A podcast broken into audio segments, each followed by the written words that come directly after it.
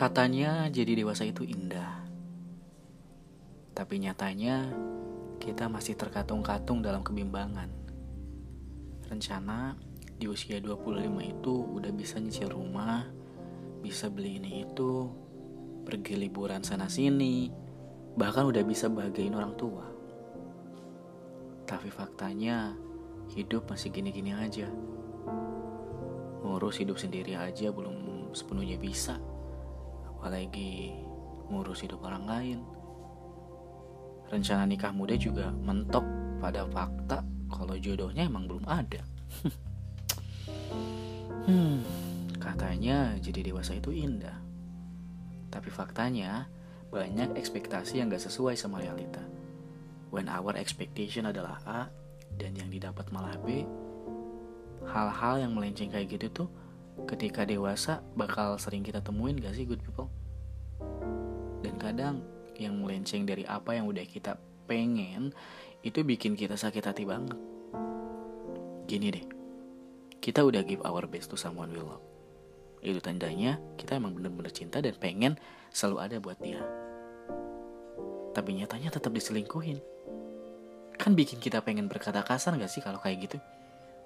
Bikin kita sakit hati, terpuruk, dan kadang kita nggak tahu harus ngapain lagi selanjutnya gitu. Tapi kita mesti percaya bahwa itu tuh hal biasa yang harus dijalanin dan hal itu yang bakal nguatin diri kita sendiri. Karena gini good people, menjadi dewasa itu bukan soal seberapa kamu pintar matematika dan fisika, tapi seberapa bisa kamu lewatin kerumitan hidup dengan lapang dada. Kalau kerumitan hidup itu bisa diatasi sama rumus A sama dengan V per T atau C sama dengan akar A kuadrat tambah B kuadrat sih gampang gitu. Gampang buat dipelajarinnya, ya kita tinggal nyari aja rumus di Google.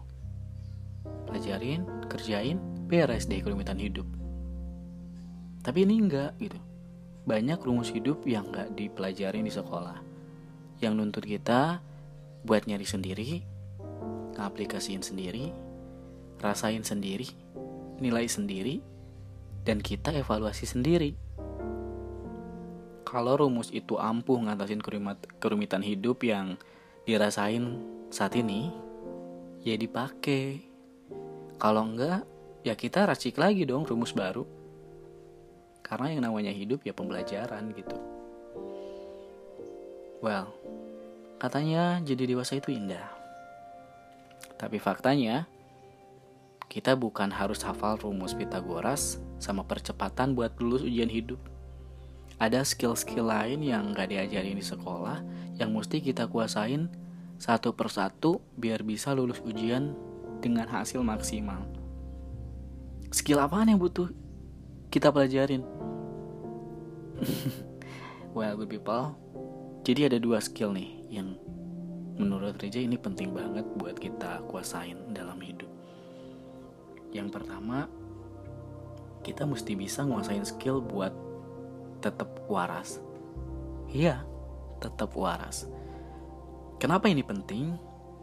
When the world to press you atau ketika dunia terlalu menekan kamu dengan tuntutan ini itu, kamu tetap bisa menggunakan akal sehat kamu agar bisa ngelewatin tekanan hidup dengan baik dan bijak. Jangan sampai tuntutan hidup yang bikin kamu ngerasa tertekan, kamu ngelakuin hal-hal bodoh yang gak masuk di akal pikiran sebagai manusia semestinya gitu. Terus yang kedua, yang mesti banget kudu dikuasain adalah skill buat berdamai sama realita yang kadang realita itu bikin kita gila gitu kita pengen hidup tuh kayak Pangeran Charles, Putri Diana, Ratu Elizabeth, gitu. Tapi Tuhan ngasih hidup atas nama diri kita sendiri. Gimana dong kalau kayak gitu? Kadang jengkel iya gitu. Bete iya. Sama hidup yang masih gini-gini aja. Tapi mau gak mau, ya ini realita hidup yang benar-benar harus kita jalanin.